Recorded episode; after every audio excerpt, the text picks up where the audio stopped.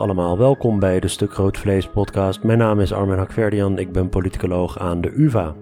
Volg ons via Twitter, het Stuk Rood Vlees. U kunt mij volgen via het Hakverdian of neem een kijkje op www.stukroodvlees.nl. U kunt zich abonneren op deze podcast via uw favoriete podcast app en laat dan ook een rating of een review achter. Bedankt aan alle mensen die dat vorige week trouwens hebben gedaan. Het is erg leuk om te zien. Flink wat reviews, flink wat ratings. Ehm, dat zie ik graag. Ik waardeer het zeer. Dank u wel. Het loopt niet lekker bij het CDA. Electoraal zit de partij al decennia in een neerwaartse spiraal en tot overmaat van ramp trok Hugo de Jonge zich luttele maanden voor de verkiezingen terug als lijsttrekker. Ik spreek verder over de penibele positie van het CDA met Tom van der Meer, hoogleraar politicologie aan de Universiteit van Amsterdam. Tom heeft onderzoek gedaan naar de kiezerstromen en kan ons dus vertellen waarom de partij de afgelopen tijd zo is leeggelopen. U kunt Tom volgen via Twitter, TomWGVDmeer. Ik ga in de show notes wat artikelen plaatsen die Tom had geschreven op het blog over de achterban van het CDA en over de positie van het CDA in het Nederlandse partijstelsel. Veel plezier met Tom van der Meer.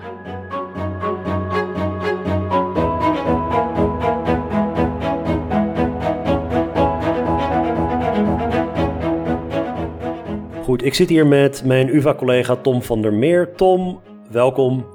Dank. We gaan praten over het CDA. Hugo de Jonge die heeft aangekondigd niet beschikbaar te zijn als lijsttrekker, hoewel die was verkozen door de leden.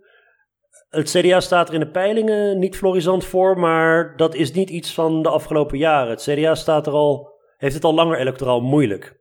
Wat is er nou toch aan de hand met het CDA? Ja, kijk, er zit een heel groot structureel probleem voor het CDA. Ehm, en dat is eigenlijk het, hetzelfde probleem waar de Sociaaldemocraten mee te maken hebben. Dat is dat sinds de tweede helft van de jaren 60 zijn kiezers gewoon gaan individualiseren. Waar je vroeger ervan uit kon gaan dat uh, de, het CDA en de voorlopers, KVP, ARP, CAU, veel stemmen konden halen, omdat ze simpelweg de religieuze partijen waren en er veel religieuze mensen waren. En die religieuze mensen massaal op de religieuze partijen stemden die erbij hoorden. Is dat tegenwoordig niet meer zo? Mensen zijn gaan seculariseren. Dus um, er zijn minder gelovige mensen. Dat is voor het CDA nogal een groot probleem. Maar um, daarnaast heb je het probleem dat uh, ook de religieuze mensen niet meer vanzelfsprekend op het CDA stemmen. En ja, dat, die, die vormen van, van secularisatie en individualisering, dat is eigenlijk een beetje het structurele probleem van het CDA en de voorlopers. Het is ook de, een van de redenen geweest waarom die christelijke partijen eind jaren 70 überhaupt gingen fuseren tot het CDA. En wat je daarna hebt gezien, zijn eigenlijk twee momenten dat het CDA eigenlijk boven de eigen structurele potentie weer kon uitstijgen. Dat het in het begin met, uh, met Lubbers, uh, uh, jaren 80, begin jaren 90, kwam het CDA op een, op een hoger plateau te liggen. Maar zodra Lubbers vertrok, zakte de partij meteen daar weer onderdoor, viel terug, uiteindelijk zelfs naar 29 zetels in 1998. vervolgens met Balken en dan had je een nieuw plateau waar het CDA een aantal jaren op kon staan. En daar is het ja, met de laatste poging van Balken in 2010 uh, weer onderdoor gezakt en het is eigenlijk nooit gerepareerd. Dus ja, je, je, hebt het structurele verhaal en daarnaast heb je het verhaal van de laatste tien jaar. Waarom lukt het het CDA niet om zich hiervan te herstellen? Dat uh, die laatste tien jaar, uh, ja, in, in 2010, de laatste verkiezing voor Balkenende nog uh, lijsttrekker, partijleider was, 21 zetels. Maar eigenlijk ehm, hebben ze in het afgelopen decennium zitten ze tussen de 10 en de 10 en de 20 zetels. Dat is mm -hmm. voor een partij als het CDA heel laag. Als je kijkt naar die, die eerdere periodes, Balkenende, zaten ze toch zo rond de 40 zetels. En dat plateau waar je het eerder over had, Lubbers, uh, zelfs midden 50. Als je kijkt naar die lange termijn, lijkt het een heel geleidelijke gang naar beneden te zijn. Maar jij zegt dat dat, dat, dat eigenlijk misleidend is. Dat er, dat er periodes zijn waar het CDA eigenlijk boven verwachting presteert. Ja, daar, en... zodra, zodra, je een, premier hebt, dan krijg je die premiersbonus. En dan kan je daarvan profiteren een aantal jaren. En dat is wat er in, uh, in de jaren 80, begin jaren 90 met Lubbers gebeurde. Ja, zodra je die premiersbonus moet inleveren, en je moet duidelijk moeten maken waar je dan nog voor staat als partij, ja, dan is het wel heel moeilijk om, om ehm, die bonus vast te houden. Dat ging er verkeerd in 94. De ja. periode Balken en er was ook een periode dat het CDA plots weer flink steeg. Maar die partij was niet per se heel erg stabiel in die periode. als je kijkt naar de onderstroom van kiezers, zie je dat er echt wel behoorlijk wat, wat uitwisselingen waren. Dus het CDA is niet een heel erg stabiele partij geweest. Vergelijk het eerder met de VVD, zoals nu. Die uh, ook in de peilingen tussentijds gewoon heel erg kan kelderen. Dat gebeurde ook met het CDA. Bijvoorbeeld in 2005, begin 2006. Uh, en uiteindelijk, ja, in, in 2010 werd dat uh, het CDA fataal. Voordat we naar dat laatste decennium gaan sinds 2010, toch even die verkiezing van 2002. Die, die opleving van het CDA van 29 naar ja, wat zal het geweest zijn? Uh, ergens 43 zetels. Ja. Um, 2002, 15 mei, was natuurlijk uh, een, een, een heel uh, uitzonderlijke verkiezing vanwege de moord op Fortuin. Maar waar kwamen die nieuwe kiezers destijds vandaan? Ja, die nieuwe kiezers kwamen van verschillende partijen vandaan. Het heeft er ook mee te maken dat het CDA relatief weinig profiel had in die verkiezingen. Uh, Balkenende was de man van de normen en waarden. Uh, daar kon iedereen zich wel in vinden, omdat je daar nog geen invulling van had, van wat dat nou concreet zou betekenen in termen van beleid. Um, en je had toen te maken met het demasqué van, van de, de, de, de, drie regeringspartijen, uh, onder de druk van de opkomst van Pim Fortuyn onder meer. volgens ook nog de moord op Fortuyn en, en de verwijten die toen zijn geplaatst. En het waren dus kiezers die ontevreden waren met die regeringspartijen en wat ze te bieden hadden maar niet naar de LPF wilden gaan. Dus de kiezers kwamen van verschillende partijen. Dus van de VVD kwamen, kwam er een deel, van uh, de PvdA kwam er een deel. En die, gingen, die vonden in, in, in het CDA eigenlijk een, een soort van ja, redelijk alternatief. Dat label dat vaak op D66 wordt geplaatst. Uh, ja, want het CDA was natuurlijk in de jaren negentig een, een, oppositiepartij. In Amerika praten ze wel eens over de Wilderness Years. Of in, in het Verenigd Koninkrijk ook zo'n zo'n zo'n regeringspartij die op een gegeven moment een, een een klap krijgt en dan in oppositie zit en dan eigenlijk jaren dobbert voordat ze opnieuw misschien uh, zichzelf uitvinden. Maar de mhm. jaren negentig zijn wat dat betreft voor het CDA natuurlijk wel echt zo'n, waren zo'n periode met ineens Heerma en wat, wat van dat soort politici. Ja, als je um, bedenkt wat ze hebben gehad van uh, Brinkman, uh, dan Heerma en dan de hoop Scheffer, die door de partijvoorzitter Van Rij opzij wordt geschoven. En uiteindelijk was dat rond 11 september, staat me bij, Ehm, dat, dat die coup gebeurde. Uh, en toen werd ja, Balkenende naar voren geschoven. Um, maar dit was dus een half jaar voor de verkiezingen zo ongeveer.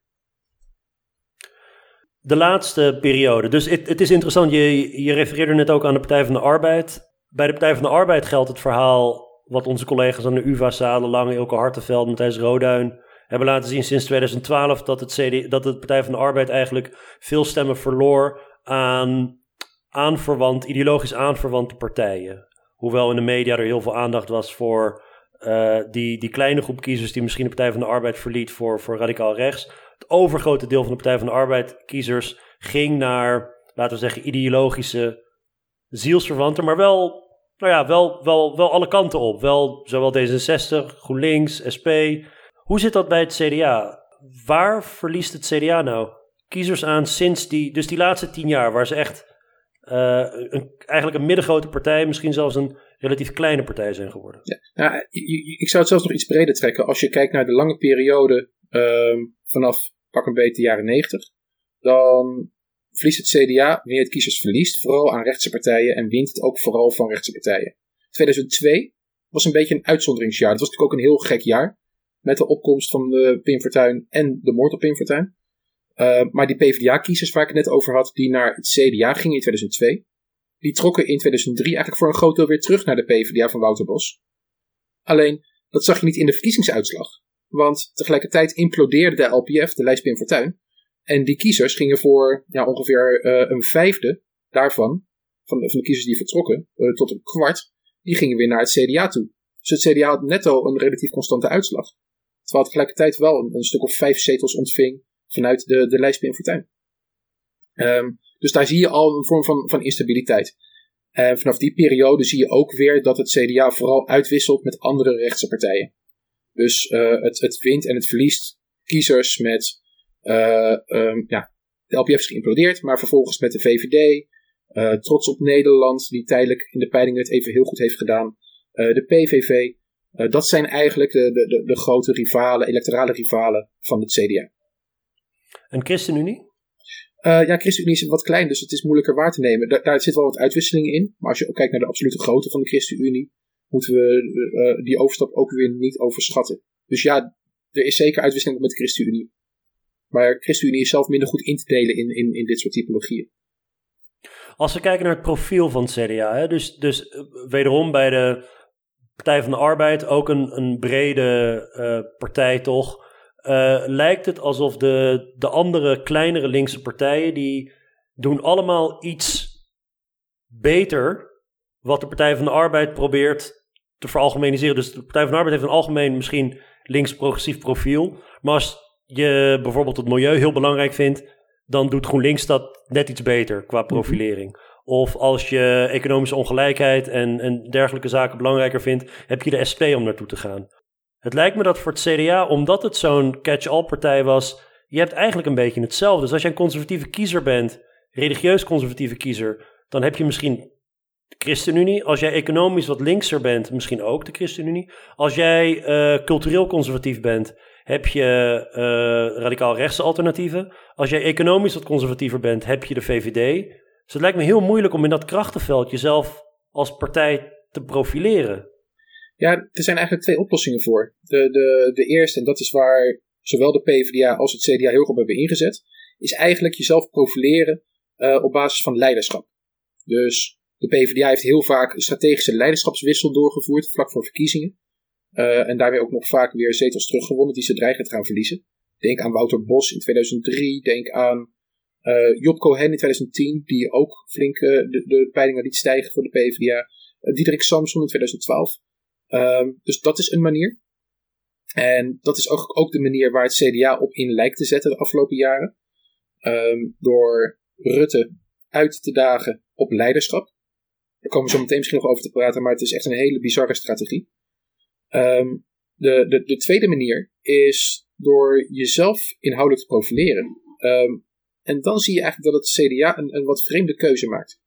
Misschien moeten we daarvoor even eerst een stapje terugzetten voordat ik dit kan uitleggen. Um, het CDA verliest dus structureel, uh, heeft het uh, aanhang verloren. Um, maar als de religieuze Nederlanders, het aantal religieuze gelovige mensen is afgenomen, maar als de religieuze christelijke kiezers in dezelfde mate op het CDA zouden stemmen als 40, 50 jaar geleden, dan zou het CDA nog steeds structureel pak een beetje 25 zetels moeten kunnen halen. En dan heb ik het dus nog niet over de niet-religieuze, niet-christelijke kiezers, die in het verleden ook flink op het CDA hebben gestemd daar zit het CDA nu eigenlijk al tien jaar lang onder. Dus ze onderpresteren volgens dat oude model. Dan kan je afvragen wat is er gebeurd. Want die kiezers, die, die religieuze kiezers, die gelovige kiezers, die zijn overgestapt naar vooral seculiere partijen. De VVD, uh, de PVV. Wat, wat wel een, een, een vreemde stap zou zijn. Ja. Maar als je kijkt naar hoe het CDA zichzelf in de markt zet, dan is het eigenlijk misschien iets minder gek. Wat het CDA de laatste pak een beetje 15 jaar heeft gedaan. Eigenlijk, naar mijn inschatting vanaf uh, eh, 2006 uh, eh, al heel erg expliciet. Is zichzelf neerzetten als een conservatieve partij. Dus het CDA is onder uh, Verhagen en onder Buma heel erg in gaan zetten op um, een economisch conservatief verhaal. Dus met een, een, een flat tax, een, een, een, plattere belastingvoet bijvoorbeeld. Um, of op cultureel gebied eerder aan de kant van de PVV te gaan staan. Um, heel kritisch te zijn over de multiculturele samenleving. En op al die gebieden heeft het eigenlijk alleen maar toe geleid dat het CDA zichzelf nog meer inwisselbaar heeft gemaakt met de partijen die toch al de grootste rivalen zijn. Er is een, een, een theorie van issue ownership, dat zegt dat uh, partijen in verschillende maten met bepaalde thema's in verband worden gebracht. En je hebt thema's die jou, jouw eigen zijn, daar ben je issue owner van. En als het, als het discussie, als het debat over jouw thema's gaat, gaat, heb jij daar baat bij. Want kiezers zeggen, ja, jij bent dan het origineel. Jij bent degene die we op dat thema moeten hebben. En het CDA heeft zo'n thema. Normen en waarden. Of noem het samenleven. Of korte lontjes. En dat is ook een thema dat onder kiezers het echt goed doet. Wat zijn uh, korte lontjes? Nou, minder korte lontjes op straat, dus minder agressief gedrag op straat. Oh, Die angst. dat was de, de, discussie zoals die tien jaar geleden werd genoemd. Maar dat, dat zijn thema's die bij kiezers heel erg aanslaan. Ehm, het, het Sociaal Cultureel Planbureau doet elk kwartaal zijn onderzoek. Uh, het, het burgerperspectief onderzoek. En die laten zien dat normen en waarden, de omgang op straat, uh, dat, dat die voor Nederlanders eigenlijk het belangrijkste probleem zijn. En dat was het tijdens de economische crisis en dat is het nu. Dus dat is echt wel iets waar mensen mee bezig zijn. En ze verwachten niet evident oplossing van de politiek. Dus het CDA heeft in zekere zin goud in handen. Maar waar ze op inzetten, afgelopen tien jaar, is uh, proberen de VVD uh, rechts de pas af te snijden. Proberen de VVD de wind uit de zijde te nemen door juist over PVV-thema's te gaan praten. En wat er dan gebeurt, is dat je juist die thema's steeds blijft benadrukken. En ja, dan denken kiezers over het algemeen, ik kies liever voor het origineel dan voor het B-merk. Ik ga liever voor de Coca-Cola dan voor de Fuzz Cola. En ja, daarmee graaft het CDA eigenlijk zijn eigen graf. Ja, ik, uh, zit, ik, ik vraag me af uh, gewoon concreet wat het betekent om je te profileren op normen en waarden. Want het klinkt als een vaag onderwerp. Ja, nee, dat, uh, het is ook een vaag onderwerp, maar het is een algemeen perspectief aan het land waarvan je vervolgens hele concrete beleidspunten kunt invullen. Um, dus als je het hebt over hoe we in Nederland met elkaar omgaan, bijvoorbeeld richting ambtsdragers, richting politieagenten, richting dokters, of hoe we omgaan met minderjarige asielzoekers of met uh, zo'n vluchtelingenkamp in Moria. Dat, kan je, dat, dat soort thema's kan je benaderen vanuit een perspectief van veiligheid. of uit een perspectief van de monoculturele samenleving. Nederland moet homogeen blijven. Maar je kan het ook benaderen vanuit het perspectief van normen en waarden, christelijke waarden. Um, waar, waarbij wordt benadrukt um, wat samenleven betekent. En wat betekent wanneer je geïntegreerd bent in een samenleving. En dat, uh, hoe dat eruit moet zien. En dat zou qua concrete beleidspunten misschien niet eens het grote verschil hoeven maken. Maar wel qua aandacht. Eh, wel qua focus, wel qua visie wat je erop neerlegt. En dit, dit klinkt misschien als een handigheidje. En voor een deel is het dat ook. Dat, dat is hoe Balkenende in 2002 en 2003 succesvol is geweest. Dat is hoe Rutte met zijn thema's in 2010 het debat kon omdraaien. Bedenk, de VVD heeft ook nou, zeker acht jaar lang enorme problemen gehad met, met die nieuwe politieke dynamiek, met, met het thema van de multiculturele samenleving. En pas toen Rutte in 2010 die hele culturele thematiek omdraaide en het begon te hebben over economische problemen, dat niet culturele diversiteit het probleem was, maar uh, uh, het probleem van, van uh, kansarme vluchtelingen. Ja, toen had hij eigenlijk het ei van Columbus. Toen was het probleem voor de VVD opgelost, want er was een focus waar kiezers zich in konden herkennen. Maar wat het CDA doet, is dus elke keer de focus kiezen die bij andere partijen hoort. En daarbij maakt het zich kwetsbaar, want het eigen thema kan ook nog eens een keertje worden ingepikt zo langzamerhand. En dat is wat de ChristenUnie in zekere zin is gaan doen de laatste jaren. Die is rond uh, thema's als bijvoorbeeld het kinderpardon stevig gaan staan. Niet op een hele legalistische lijn of op een hele culturele lijn, maar vanuit het perspectief van, van warmhartigheid, van naastenliefde, uh, dat thema van kinderpardon gaan benadrukken. Terwijl dat nou juist traditioneel gezien het type visie is dat, dat uh, het CDA uitventen. Het, um, het lijkt me een, een heel lastige spagaat, want uh, er is wel degelijk ook uitruil met radicaal rechtse kiezers. Dus je zit daar in een soort van spagaat dat als je aan de ene kant via wat jij normen en waarden noemt, bijvoorbeeld uh, een christelijke invulling zou geven aan iets als een kinderpardon of uh, immigratie, dat je tegelijkertijd ook kiezers hebt die juist iets totaal anders willen. Dat is misschien uh, het, het, een, het, het, eeuwige dilemma van dit soort partijen. Dat ze aan alle kanten hebben, zitten de kapers op de kust. Maar die balans vinden is, uh, dat is niet triviaal. Nee, maar dat, dit geldt voor alle partijen. Voor alle partijen geldt dat ze, dat ze zulke, uh, dat, dat de kapers op de kust liggen. Dat, dat heb je gewoon met, met 13 partijen in een klein politiek landschap. Dus dat, dat is eigenlijk inherent aan, aan Nederlandse politiek. Maar het verschil is dat het vanuit, het vanuit de CDA niet met één, een eenduidige visie hier, naartoe, hier naar wordt gekeken. Uh, dus niet één achterliggend, funderend principe. Uh, en ja, de partij is ook heel evident in spagaat geweest de afgelopen tien jaar. We hadden periodes dat het, het, het CDA-bestuur van Rut Peetoom zegt van we moeten een, een, een, middenkoers gaan voeren. En tegelijkertijd zie je de fractie, onder leiding van Buma, zie je juist een heel expliciet conservatieve koers gaan varen. Ja, dat, dat valt heel moeilijk te verenigen. Um, Maar het probleem zit dus nog één laagje dieper. Dat er ook niet een gemeenschappelijk principe is waarvan uit dit soort thema's kunnen worden, kunnen worden uh, besproken. Je had het net over de, uh, hè, dus de religieuze kiezers die uh, deels zijn weggelopen bij het CDA. In hoeverre zijn religieuze, ik bedoel, religieuze kiezers zijn gemiddeld genomen waarschijnlijk ouder dan seculiere kiezers? Kan het ook zo zijn dat die religieuze kiezers vervangen zijn? Zeg maar dat generaties, dat jongeren zich min, minder aansluiten bij het CDA en dat oudere CDA-kiezers dus uh, komen te overlijden en, en dat op die manier het CDA naar beneden gaat in de peilingen. Dat er simpelweg ja, dat het electoraat afsterft, om het even cru uh, te zeggen. Ja, het, het, uitsterven van het traditionele electoraat dat geldt sowieso voor partijen die structureel in de krimp zitten. Dus dat geldt ook voor de PvdA. Uh, dat geldt dus ook voor het CDA. Maar die effecten moet je ook echt niet overdrijven. Waar het vooral op neerkomt is de traditionele vaste stemmer. Daar moet je niet meer van uitgaan. Die is verdwenen. Dat betekent dus ook dat je een van de vele partijen bent geworden. Maar dat betekent niet dat je als partij verdwijnt. Dat je als partij zelf ook gaat uitsterven. Uh, wat ik net al zei. Als de religieuze mensen die er wel zijn nog steeds in dezelfde mate op het CDA hadden gestemd. De afgelopen tien jaar. Dan zou het CDA gewoon structureel rond de 25 zetels moeten scoren. En dat doet het ook al niet. Dus ja, voor een belangrijk deel is die daling, uh, heeft zeker te maken met het uitsterven van oude generaties die traditioneel op het CDA stemden. Maar het CDA is ook niet in staat geweest om mensen die normaal gesproken wel zou moeten kunnen trekken, aan zich te binden.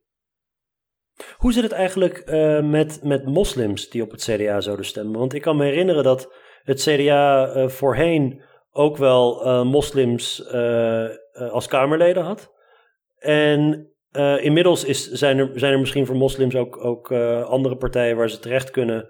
Maar het CDA hoeft natuurlijk niet alleen maar te mikken op christelijke kiezers, ook religieuze kiezers in het algemeen. Of um, is het CDA inmiddels op, op, op cultureel standpunt zo naar rechts opgeschoven dat ze die kiezers verliest? Weet je hoe dat zit met moslimaanhang van het CDA? Nou, dat is heel moeilijk, omdat uh, um, die groepen in, in, in enquêteonderzoek minder vaak meedoen. Dus dat hebben we nooit zo kunnen uitsplitsen. Toevallig gaan we bij het komende Nationaal Kiezersonderzoek ook een uitvoerige steekproef doen uh, onder mensen met een migratieachtergrond. Zodat we dit eindelijk eens keer structureel kunnen gaan uitzoeken wat daar, wat daar gaande is. Mijn vermoeden zou inderdaad wel zijn dat naarmate het CDA een meer uh, rechtsconservatieve koers kiest, met name op culturele thema's, wordt het inderdaad moeilijker om ook die groepen aan zich te binden. Ja, nu even, terug, even, even vooruitkijkend, hè, tot slot, op de verkiezingen. Uh, in maart zijn die al. Mhm. Het CDA heeft nu geen lijsttrekker, heeft geen partijleider. Daar gaat de partij de komende weken waarschijnlijk over, over, ja, over debatteren. Het lijkt te gaan tussen Omtzigt en Hoekstra. Wie van die twee is vanuit de, dat, dat profiel van de normen en waarden of of laten we het breder formuleren. Wil het CDA weer eens een keer boven die 20 zetels uitkomen? En, en dus kiezers winnen die ze verloren hebben? Zie je mogelijke scenario's onder of een Hoekstra of een Omzicht om dat te doen?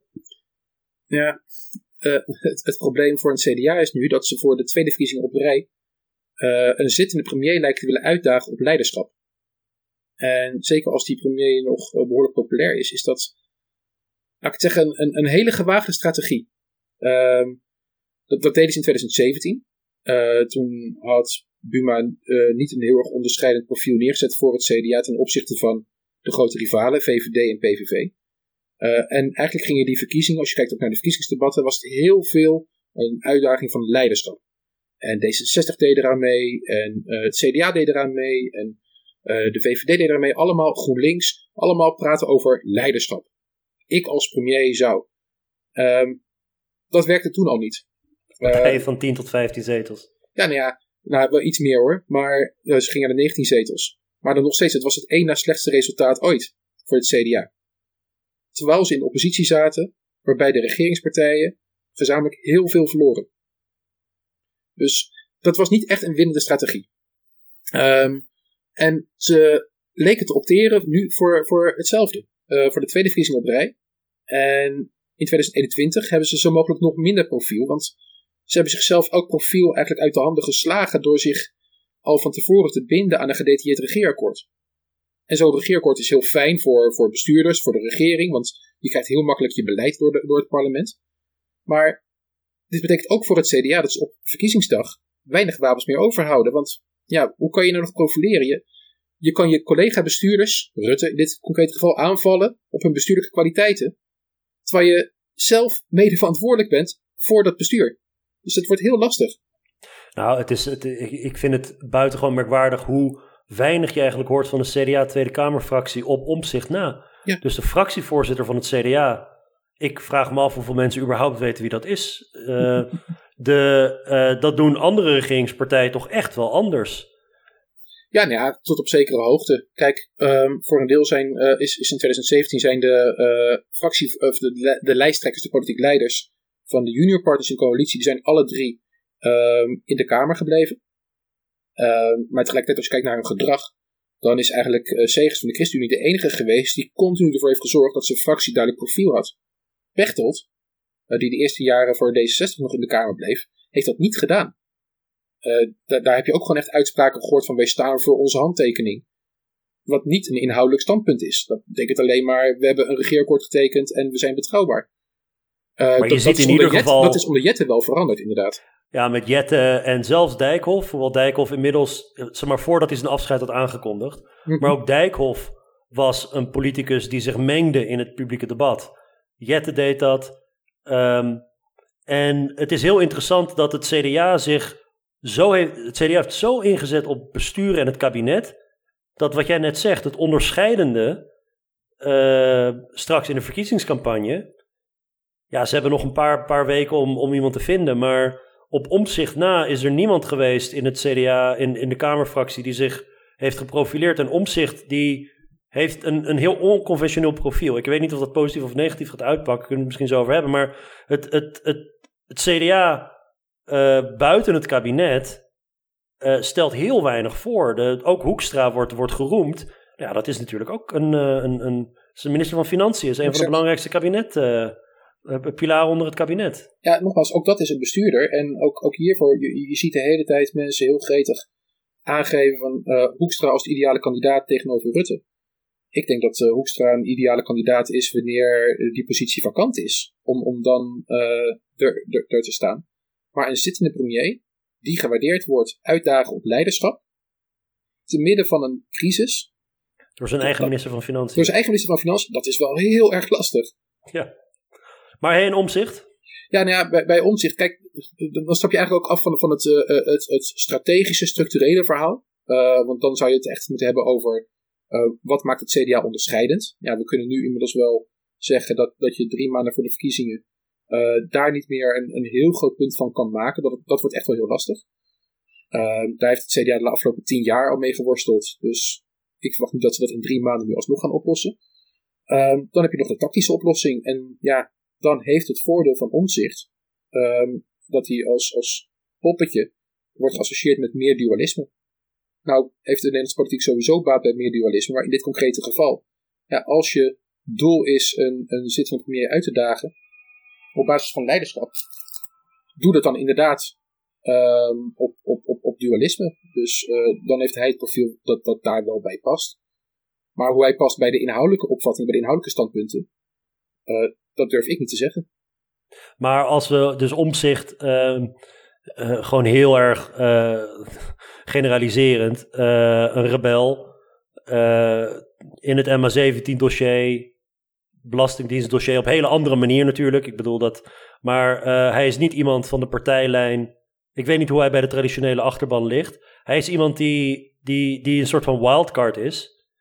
Maar uh, Omzicht die heeft zich denk ik nog niet zo heel veel uitgesproken over heel traditionele onderwerpen. Bij het bredere electoraat is hij eerder een beetje de, ja, de, het profilerende Kamerlid. De vreemde eend in de bijt was hij. Mm -hmm. Een beetje buitenstaander eigenlijk. Dat, ik weet niet in hoeverre het CDA nou zo goed werkt met buitenstaanders. Nee, maar kijk, nu gaan we echt uh, praten over, over specifieke poppetjes. En ik denk dat we daar als politicologen uh, misschien iets minder goed in zijn over het algemeen. Ik denk dat uh, um, hij dat inderdaad het profiel heeft. En dat kan voordelen hebben, met name wanneer je kijkt naar de implosie op de rechterkant van, van Forum voor Democratie. Ja, precies. Dat het een soort van, van springplankje kan zijn om uh, een bepaalde groep kiezers aan je te binden. Uh, die op zoek zijn naar meer, naar meer dualisme, naar meer kritiek, uh, naar meer tegenmacht binnen het systeem. dus in die zin ja, maar hoe dat valt binnen het CDA zelf als organisatie, heb ik geen idee van hoe dat valt. Um, hoe dat samenvalt met, met inhoudelijke thema's waar het CDA voor staat, weet ik ook niet. Dus ja, daarom is het, vind, vind ik het heel lastig speculeren. Ik dacht eerder als een soort het kanaliseren van, van wantrouwen jegens de overheid. Ja. Het is natuurlijk speculatief, maar ik vind dat we op vrijdagmiddag best wel eens een keer mogen speculeren. Uh, kijkend naar de toekomst. Tom, um, mensen kunnen jou op Twitter volgen als ze dat willen. Ik zal linken in de show notes naar een aantal stukken die jij in het verleden hebt geschreven over de koers van het CDA, uh, het profiel van het CDA en ook over uh, die uitruil waar we het hadden over de kiezers, kiezers van het CDA. Ja, overigens, die, die, die uitruil, even van belang, dat is dus echt gebaseerd op kiezers. We hebben gekeken waar kiezers vandaan kwamen, waar kiezers naartoe gingen. En dat doe je op basis van kiezersonderzoek. Dat je mensen een aantal jaren volgt. Um, en verschillende onderzoeken laten eigenlijk consequent hetzelfde beeld te zien. Het CDA is qua kiezers gewoon eigenlijk een, een centrumrechtse partij. Uitwisseling met, met andere rechtse partijen, waaronder dus ook radicaal rechts. Dat gezegd hebbende, bedankt voor je tijd. Dankjewel. U bedankt voor het luisteren. Uh, volgende week uh, Carolien van Ham over verkiezingsfraude. Uh, let, op de, let op de feed. Tot de volgende keer.